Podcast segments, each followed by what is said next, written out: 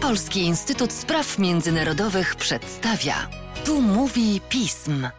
Witamy w kolejnym odcinku podcastu Polskiego Instytutu Spraw Międzynarodowych. Tu mówi pism. Dzisiaj porozmawiamy o eskalacji sytuacji w Górskim Karabachu, gdzie od ponad 35 lat trwa wojna między Azerbejdżanem a Armenią. Ja nazywam się Filip Bryjka, jestem analitykiem w programie Bezpieczeństwo Międzynarodowe, a moim rozmówcą jest nasz specjalista do spraw Kaukazu Południowego Wojciech Wojtasiewicz. Wojtku, z uwagi na to, że mówimy o bardzo dynamicznych i szybko zmieniających się wydarzeniach, uporządkujmy to, co wiemy na chwilę obecną, czyli na dzień 20 września godzinę 11. Co wiemy o y, obecnej eskalacji sytuacji w Górskim Karabachu? Kto zainicjował walki, jak została ta decyzja uzasadniona, a także jaki jest ich przebieg? Czy możemy już mówić o tym, że mamy do czynienia z trzecią wojną w Górskim Karabachu? Dzień dobry, więc walki zaczęły się wczoraj w godzinach poranno-popołudniowych. Stroną inicjującą te, ten atak była strona azerbejdżańska. Władze azerbejdżańskie nazwały ten atak mianem lokalnej akcji antyterrorystycznej, której celem jest przywrócenie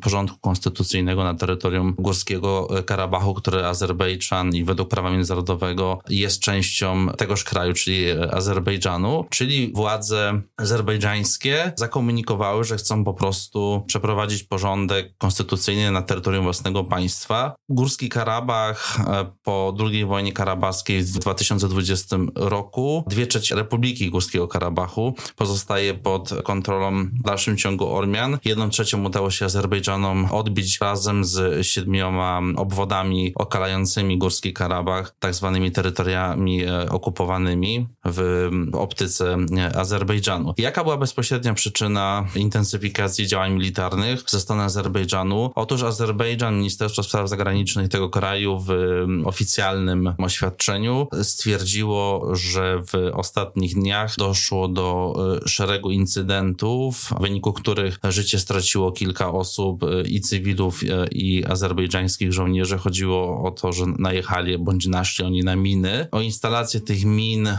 zasieków, okopów została oskarżona strona armeńska. Ormianie z Górskiego Karabachu i celem Azerbejdżanu było po prostu zniszczenie tego typu obiektów, no i także infra innej infrastruktury o charakterze militarnym. Azerbejdżan cały czas zresztą oskarżał nie tylko Ormian z Górskiego Karabachu, ale także Armenię o to, że dozbraja swoich pobratymców w Górskim Karabachu.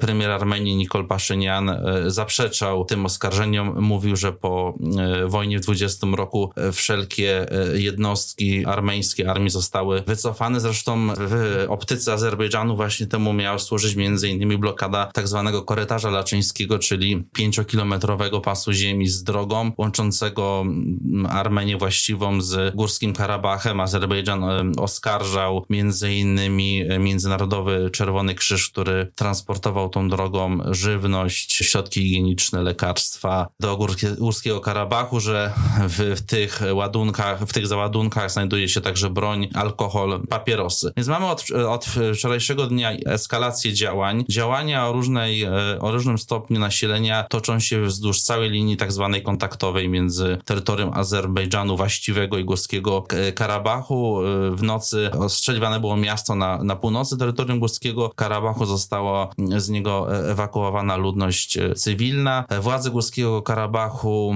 donoszą o ponad 200 poległych, e, kilkudziesięciu rannych. Mówią o tym, że terytorium e, ich parapaństwa zostało pozbawione dostaw energii elektrycznej, że ludność przebywa w, w piwnicach swoich e, domów, pozbawiona żywności, dostępu do, do wody. Z pewnością sytuacja w tym, w tym parapaństwie jest, jest, jest ciężka, no trwa, trwa ostrzał w, w mediach społecznościowych, w internecie możemy zobaczyć różnego rodzaju relacje filmowe pokazujące walki, walki ostrzał, ale do tej pory e, nie doszło do jakiegoś spektakularnego przejęcia miejscowości, miasta większego. I dosłownie przed chwilą, przed naszym nagraniem, e, pojawiła się informacja, że doszło do e, porozumienia o zawieszeniu zawieszeniu broni między Górskim Karabachem a stroną azerbejdżańską. W, w tych negocjacjach o zawieszeniu broni miały e, uczestniczyć e, rosyjskie siły pokojowe, które stacjonują w Górskim Karabachu na mocy porozumienia e, po II wojnie karabachskiej w 20 roku. I to porozumienie wchodzi właśnie teraz o godzinie 11 polskiego czasu, 13 czasu południowo-kaukaskiego. No zobaczymy, czy ono, czy ono w ogóle zaistnieje, a jeżeli tak, to jak długo się, się utrzyma. Dlaczego właśnie teraz dochodzi do eskalacji, skoro w ostatnim czasie strony konfliktu zintensyfikowały rozmowy pokojowe prowadzone przy mediacji Stanów Zjednoczonych oraz Unii Europejskiej? Czy obecne walki możemy traktować jako element y, taktyki negocjacyjnej? Jakie cele w takim razie Azerbejdżan chciałby osiągnąć poprzez zainicjowanie operacji zbrojnej? To wszystko jak gdyby mm, każe nam zadać sobie pytanie, o cele e, Azerbejdżanu. Czy rzeczywiście tutaj chodzi tylko o zniszczenie e, infrastruktury o charakterze militarnym i w ten sposób przymuszenie Górskiego Karabachu i Armenii do zmiękczenia swojego stanowiska w negocjacjach pokojowych, o których wspomniałeś e, i ta intensyfikacja tych porozumień pokojowych miała miejsce późną wiosną, wczesnym latem. Doszło do szeregu spotkań między Nikolem Paszynianem a Ilhamem Alijewem i, i w Brukseli i w Moskwie, w Waszyngtonie spotykali się się szefowie dyplomacji Armenii i Azerbejdżanu z udziałem e, Antoniego Blinkena w Brukseli, to był Charles Michel, przewodniczący Rady Europejskiej. Jednakże te negocjacje znalazły się w takim punkcie zawieszenia. Spowodowane było to tym, że obydwie strony miały odmienne stanowiska w trzech zasadniczych kwestiach. Pierwsze, przyszłość Górskiego Karabachu i tutaj tak naprawdę te stanowisko zaczęło się zbliżać. Dlaczego? Dlatego, że Nikol Paszynian kilkukrotnie w sposób bezpośredni stwierdził, że uznaje Górski Karabach za część Azerbejdżanu, co było zmianą narracji po 30 latach e, diametralną, no ale w zamian za to jakby oczekiwał gwarancji szczególnych praw dla miejscowej ludności. Nie chodziło tutaj o autonomię polityczną, bardziej kulturalną, językową, na co oczywiście nie chciał się zgodzić Azerbejdżan i Ilham Alijew. Ilham Alijew podkreślał, że karabachscy Ormianie po prostu będą obywatelami Azerbejdżanu i będą mieć takie same prawa jak pozostali Azerbejdżanie, no to wzbudzało sprzeciw znowuż Paszeniana. I trzecim takim zasadniczym elementem, no to było otwarcie korytarzy transportowych na Kaukazie Południowym. Taki też punkt znalazł się w porozumieniu po wojnie w 20 roku i Armenia co do zasady się na to zgadzała. Chodziło tutaj o o uruchomienie drogi między Azerbejdżanem właściwym a jego eksklawą Nachiczewanem przez terytorium Armenii. Jednakże obydwie strony troszeczkę inaczej sobie wyobrażały funkcjonowanie tego korytarza. Armenia, uznając, że jest to jej terytorium, stwierdziła, że mm, taka droga będzie funkcjonowała, ale pod jej nadzorem, ewentualnie z udziałem rosyjskich pograniczników. Azerbejdżan chciał, żeby ta droga miała charakter eksterytorialny, na co się nie zgadzała Armenia, uznając, że w ten sposób zostanie naruszona integralność terytorialna ich kraju. No i w związku związku z tym, że te negocjacje znalazły się w martwym punkcie, jakby kwestia wznowienia walk wisiała w powietrzu. Bardzo wielu ekspertów, analityków, także polityków,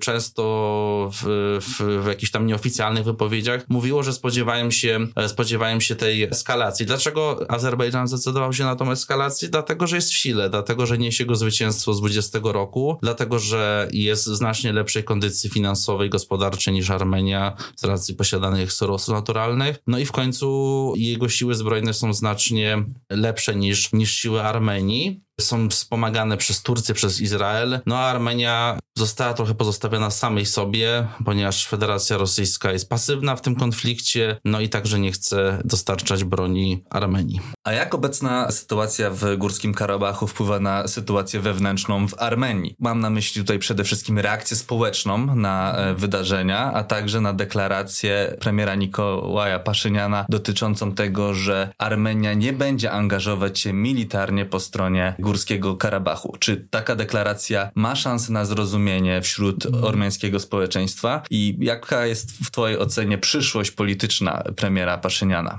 Zaraz po rozpoczęciu ataku Azerbejdżanu na Górski Karabach Ormianie zaczęli się zbierać pod budynkami rządowymi na Placu Republiki w Erywaniu i protestować. Domagali się właśnie mm, e, podjęcia działań przez rząd armeński, przez Nikola Paszyniana, działań mających na celu wsparcie walczących mieszkających Ormian w, w Karabachu. I potem po właśnie wypowiedzi Paszyniana, po posiedzeniu Rady Bezpieczeństwa Armenii, w której on stwierdził, że jest wielu aktorów wewnętrznych i zewnętrznych, które, którzy pragną wciągnąć Armenię do konfliktu z Azerbejdżanem, a on na to jako szef e, armeńskiego rządu nie pozwoli. Rzeczywiście te protesty stały się bardziej e, e, gwałtowne i zaczęły się po prostu pojawiać hasło, że to jest zdrada, że to jest hańba i że Nikol Paszynian powinien odejść i zostanie, powinien zostać powołany rząd tymczasowy. No, z pewnością premier Nikol Paszynian jest w bardzo trudnej mm, sytuacji. Z jednej strony sprawa Karabachu jest sprawą niezwykle emocjonalnie ważną dla,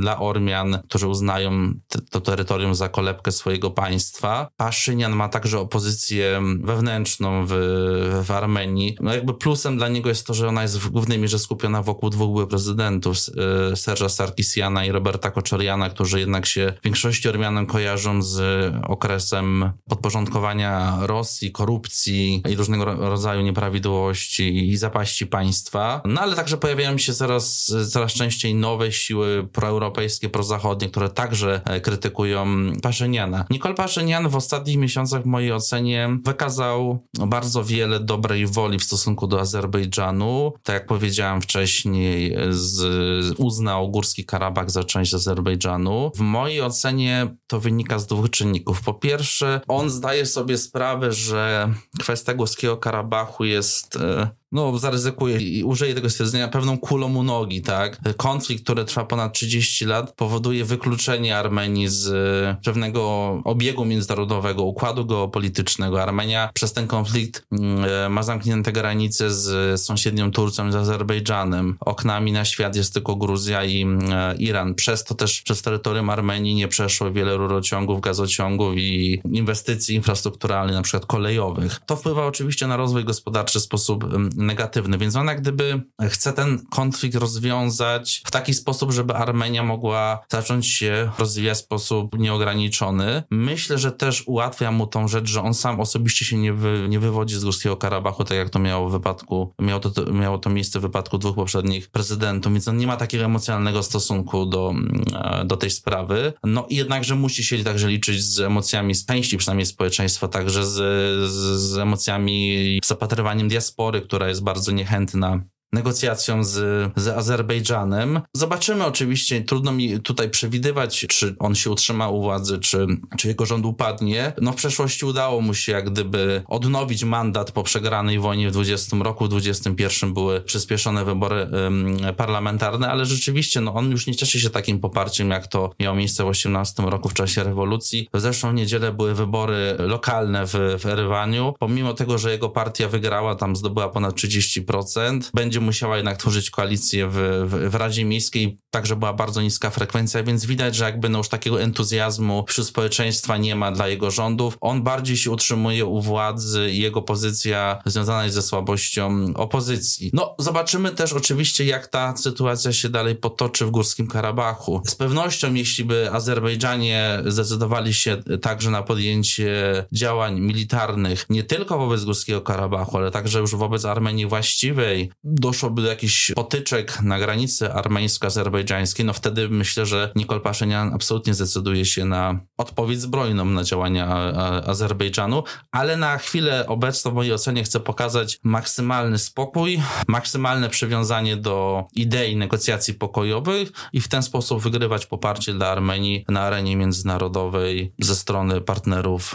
z Zachodu. Porozmawiajmy teraz o reakcji społeczności międzynarodowej na wydarzenia w Górskim Karabachu. E, Zaczynając od Rosji, która po raz kolejny bardzo pasywnie e, reaguje na wydarzenia e, w regionie, pomimo tego, że formalnie jest sojusznikiem Armenii w Organizacji Układu o Bezpieczeństwie Zbiorowym. Na terytorium Armenii znajduje się największa poza Rosją baza wojskowa rosyjska w Gyumri, a w samym Karabachu rozmieszczone były tak zwane siły pokojowe. I mimo to e, siły rosyjskie nie zapewniły bezpieczeństwa społeczności ormiańskiej i cała akcja zbrojna ze strony Azerbejdżanu zdaje się mieć zielone światło ze strony y, Kremla. Co to oznacza dla relacji ormiańsko-rosyjskich? Czy możemy, możemy mówić o utracie wpływów Rosji w, w Armenii? Federacja Rosyjska ustami rzeczniczki MSZ-u Marii Zacharowej wczoraj oczywiście zaapelowała do obydwu stron o powstrzymanie walki, powrót do, do negocjacji. Zacharowa zaprzeczyła e, temu, jakoby strona azerbejdżańska miała poinformować przed rozpoczęciem działań militarnych stronę rosyjską o planowanych mm, e, działaniach. Rzeczywiście, no, e, pozycja Federacji Rosyjskiej w, w, optyce Armenii pozostawia wiele do życzenia. Jakie są tego przyczyny? W mojej, w mojej ocenie dwie. Po pierwsze, Rosja jest zaangażowana w wojnę w, w Ukrainie i tam jakby skupia większość swojej uwagi, środków, sił militarnych, finansowych itd., itp. I to się wiąże z tym, że jest zbyt słaba, żeby móc powstrzymać Azerbejdżan przed działaniami y, zbrojnymi, ale także w interesie, w końcu już w interesie Federacji Rosyjskiej nie jest też to, żeby ten konflikt został uregulowany w jakikolwiek sposób, czy w sposób negocjacji, czy w sposób militarny, ponieważ no, Federacja Rosyjska przez ostatnie trzy dekady robiła wszystko, żeby ten konflikt został zamrożony, utrzymywał się na poziomie niskiej intensywności, ponieważ ona traktowała i ten konflikt w Abchazji, w Osetii Południowej, w Gruzji jako narzędzia wpływania na e, republiki południowo-kaukaskie. W mojej ocenie po prostu Rosja jest zbyt słaba, żeby postawić się Azerbejdżanowi i jego sojusznikowi w postaci Turcji. No wiąże się to z tym, że między innymi przez Turcję przepływają towary, które, które są Rosji potrzebne, a na które zostały założone e, zachodnie, zachodnie sankcje, a więc Rosja tutaj jest e, w pozycji bardziej petenta niż tego, który może cokolwiek komuś narzucać. I to jest jakby jedna przyczyna, a druga, Federacja Rosyjska niespecjalnie chce Armenii pomóc. Dlaczego? Po, po pierwsze, od początku nie ma zaufania do Nikola Paszyniana. No wiemy, że Władimir Putin w sposób alergiczny reaguje na wszelkiego rodzaju rewolucje uliczne, które wynoszą do władzy trybunów ludowych, a obalają władzę. Poprzednie władze Armenii prowadziły kurs y, prorosyjski, sprzedały wiele cennych armeńskich zasobów w kluczowych sektorach armeńskiej e, gospodarki. No dlatego myślę, że nikt na Kremlu płakać nie będzie, jeżeli Nikol Paszynian zostanie od tej władzy odsunięty. Oczywiście nie rękami Rosji, ale rękami swoich własnych e, obywateli. Zresztą wczoraj były, e, były prezydent Federacji Rosyjskiej Dmitrij Miedwiediew na telegramie był łaskaw popełnić taki wpis, że bez podania nazwiska, ale wszyscy oczywiście wiedzieli, że chodzi o Paszyniana, że był taki człowiek, który przegrał w 20 roku wojnę, o tą wojnę, e, o przegranie oskarżył Federację Rosyjską. No i tam e, Miedwiediew wymienia różnego rodzaju oświadczenia zachowania Paszyniana antyrosyjskie, e, że zorganizował ćwiczenia wojskowe z Amerykanami na, na terytorium swojego państwa. No a teraz został zaatakowany przez Azerbejdżan i dziwi się, że, że Federacja Rosyjska nie przychodzi mu z pomocą. No tak jakby widać, że, że Rosja w pewien sposób też to cieszy, tak, że, że Armenia tak naprawdę nie ma, musi liczyć tylko na własne, na własne E, siły, co też powoduje to, że, że Ormianie stawiają tutaj jakby na tą ścieżkę dyplomatyczną, mobilizują swoich sojuszników z, z zachodu i tutaj możemy płynnie przejść właśnie do kwestii Unii Europejskiej, Stanów Zjednoczonych. Wczoraj Charles Michel, także jako jeden z pierwszych polityków międzynarodowych w oświadczeniu wydanym zaapelował o zaprzestanie, zaprzestanie walk, ale i, i w sposób taki jednoznaczny stwierdził, że to zaprzestanie walk, o, o zaprzestanie azerbejdżańskiego ataku na Górski Karabach. Paszynian rozmawiał także z prezydentem Francji Emmanuelem Macronem, z sekretarzem stanu Stanów Zjednoczonych Antonem Blinkenem, e, z, z sekretarzem generalnym OBWE, czyli jakby wiele tutaj kontaktów zostało e, uruchomionych. Francja ma zgłosić wniosek do o zwołanie posiedzenia Rady Bezpieczeństwa e, ONZ-u. No ale jakby też trzeba pamiętać o tym, że Zachód ma ograniczone narzędzia, możliwości działania. No na pewno nie wyśle tam swoich wojsk. Od przełomu roku na terytorium Armenii funkcjonuje misja cywilna Unii Europejskiej, której zadaniem jest monitorowanie granicy azerbejdżańsko-armeńskiej. No także widać, widać dosyć sporą obecność Zachodu w Armenii i Unia Europejska i Stany Zjednoczone zaangażowały się w proces pokojowy. One mogą jedynie apelować i naciskać na Azerbejdżan. Wczoraj jedynie były sekretarz generalny NATO Rasmussen w oświadczeniu stwierdził, że jeżeli Azerbejdżan nie zrezygnuje z użycia sił, siły, Zachód powinien prowadzić sankcje przeciwko Azerbejdżanowi, no ale on jest już jakby... Poli- to realne? On jest politykiem, y, który już jakby nie sprawuje funkcji żadnej. Jest byłym sekretarzem, także on może tego typu wnioski formułować. Czy to jest realne? W mojej ocenie raczej nie, ponieważ y, Europa, Zachód y, potrzebują surowców naturalnych z Azerbejdżanu, szczególnie w kontekście niesprowadzenia ich z Federacji Rosyjskiej po wojnie, po rosyjskiej agresji w Ukrainie, prowadzeniu sankcji. Jakby i Alijew sobie doskonale z tego zdaje sprawę i w tym też jakby tkwi jego siła. Do sprawy wojny także odniósł się prezydent Erdoğan, prezydent Turcji, który w pełni poparł stronę azerbejdżańską, co absolutnie nie powinno nas, nie powinno nas dziwić. I oczywiście przeciwko temu konfliktowi zawsze występuje Iran, szczególnie e, wobec tego trzeciego elementu, o którym mówiłem na początku, czyli stworzenia tak zwanego zangezurskiego korytarza transportowego, ponieważ w ten sposób zostałyby zastopowane możliwości transportu irańskich towarów przez Armenię, I dalej do Rosji bądź na zachód. Na koniec chciałbym Ci zadać najtrudniejsze, ale najciekawsze analitycznie pytanie, czyli e, Twoją prognozę rozwoju sytuacji. Czego możemy się spodziewać? Czy szybkiego rozwiązania kwestii militarnie, a co za tym idzie? Czy możemy założyć, że e, konflikt na płaszczyźnie dyplomatycznej i kwestia normalizacji stosunków pomiędzy Armenią a Azerbejdżanem wciąż będzie nieuregulowana? Czy też w Twojej ocenie są szanse na to, aby udało się znaleźć znaleźć płaszczyznę porozumienia między Armenią a Azerbejdżanem w tej kwestii? W mojej ocenie są, tutaj są dwie kwestie kluczowe. Po pierwsze, jakie, jaki, jakie są cele Azerbejdżanu, e, te początkowe, przyświecające e, akcji militarnej, która się e, rozpoczęła wczoraj. No, tego oczywiście nie wiemy, nie, nie, jesteśmy Ilhamem Alijewem, więc nie wiemy, jaki on ma plan. I czy na Karabachu się zakończy. I czy na Karabachu się zakończy, a to za chwileczkę. Więc pytanie jest takie, czy jakby są, można postawić dwie tezy. Pierwsza to taka, że chodzi tutaj o krótką, jedno, dwudniową akcję militarną, mającą na celu zniszczenie części infrastruktury militarnej na terenie Górskiego Karabachu, e, rzucenie jeszcze bardziej Armian na kolana i przymuszenie ich do zagodzenia swoich żądań w czasie negocjacji z Azerbejdżanem. No i tutaj zobaczymy, czy ten scenariusz się ziści, jeżeli to zawieszenie broni, o którym mówiliśmy kilkanaście minut temu, się utrzyma.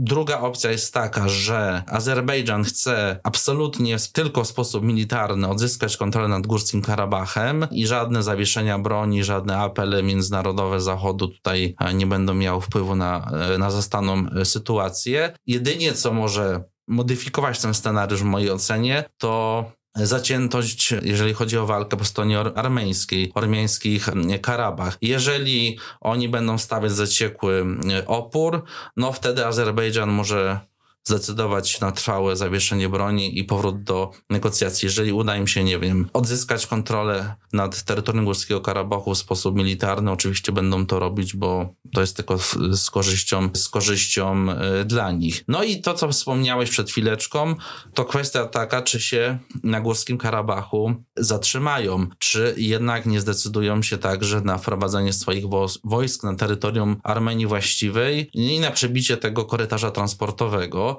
w mojej ocenie to byłaby jednak, jak na chwilę obecną, opcja, nazwijmy to atomowa, no ponieważ ona by wciągała również aktorów zewnętrznych, w szczególności Iran, o którym e, wspomniałem, który w sposób jakby zdecydowany, jasny, wielokrotnie mówił, że jeżeli doszłoby do, do walk w, w rejonie Zangezuru, z silniku tych południowych prowincji Armenii, on będzie interweniować. Ale jeżeli, w mojej ocenie, jeżeli na przykład Górski Karabach zostanie odzyskany w sposób militarny, e, armeńskie władze będą tak słabe, że wtedy jakby już dyplomatycznie zostaną zmuszone do, do otwarcia tej drogi właśnie przez Zangezur.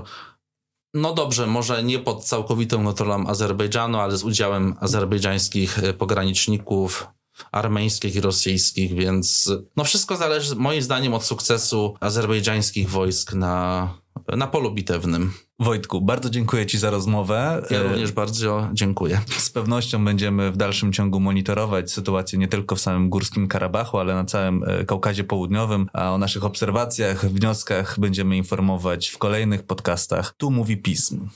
Dziękuję. Dziękuję.